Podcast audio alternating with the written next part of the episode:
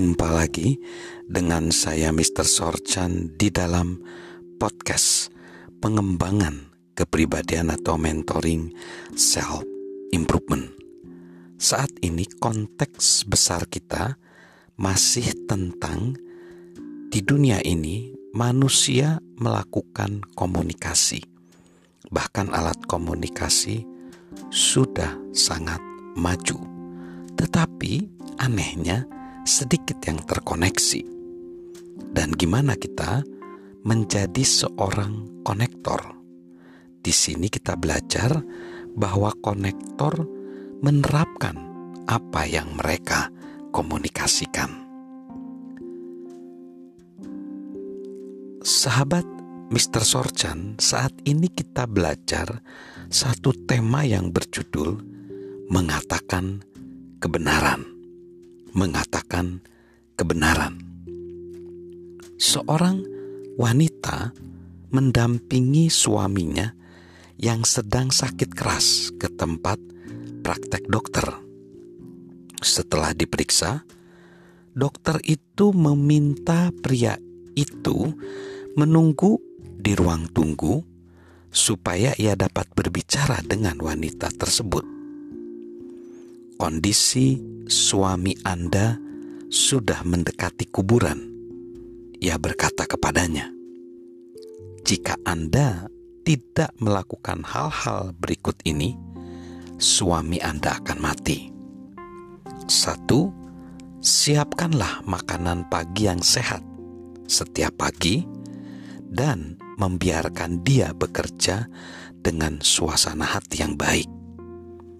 Dua, saat ia pulang, izinkan ia menaruh kakinya ke atas dan beristirahat. Pastikanlah tidak membebani dia dengan kekhawatiran apa pun atau tugas-tugas rumah tangga. Tiga, siapkanlah makan malam yang hangat dan bergizi setiap malam.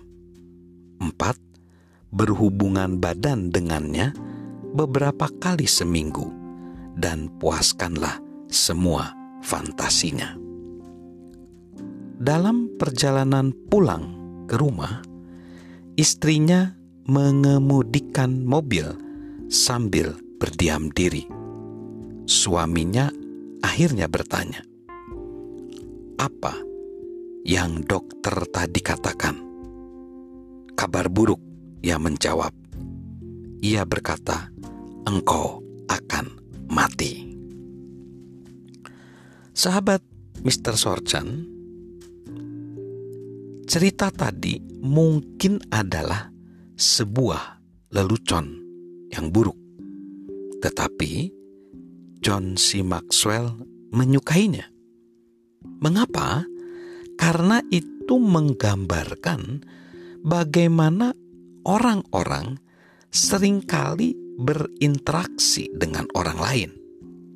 Mereka tidak jujur dengan orang lain.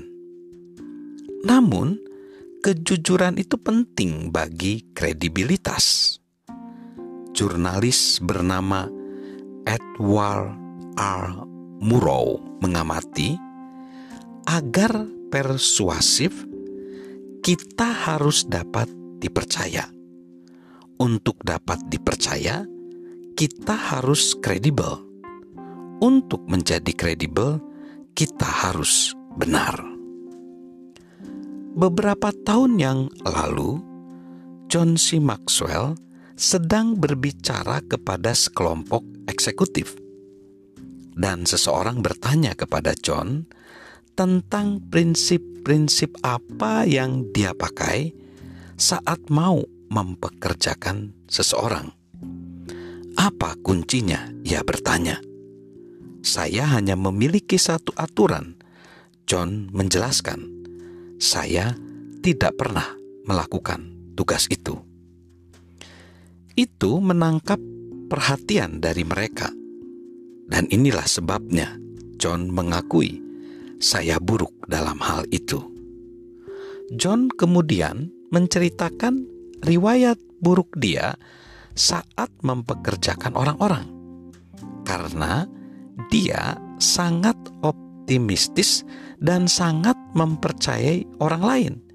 Dia tidak realistis. Tidak peduli peringatan jenis apa pun yang muncul dalam suatu wawancara dengan seorang kandidat, John selalu berpikir, "Aku dapat menolong orang ini untuk berkembang dan berhasil." Itu bukan sikap yang benar untuk seorang pewawancara. Agar berhasil dalam bidang ini, kita perlu orang-orang yang skeptis, jenis orang yang bahkan tidak akan mempekerjakan ibunya sendiri. Saat John berhenti melakukan tugas itu, itu membawa organisasinya ke suatu tingkat yang lebih baik. Saat John berkata kepada seluruh eksekutif di ruangan itu, bahwa dia tidak lagi melakukan tugas mempekerjakan orang, dia dapat melihat reaksi pertama mereka negatif. Namun, sementara dia menjelaskannya, dia dapat merasakan mereka menghargai bahwa John memiliki kelemahan kelemahan dan mereka menghargai kejujuran daripada John. Sahabat Mr. Sorchan, hanya sedikit hal yang lebih buruk dari seseorang yang tidak mengetahui apa yang sedang ia bicarakan, merekayasa hal-hal tertentu, sementara ia terus berbicara dan berpura-pura bahwa ia ahli ketika ia benar-benar tidak tahu apa-apa. Sebagai seorang komi, sebagai seorang komentator blog, sebagai seorang komentator blog, Roger berkata, kredibilitas bukanlah kesempurnaan, tetapi kerelaan untuk mengakui ketidaksempurnaan. Salam untuk menjadi pribadi yang jujur di situlah kesuksesan berada. Salam sehat selalu dari saya, Mr. Sorjan.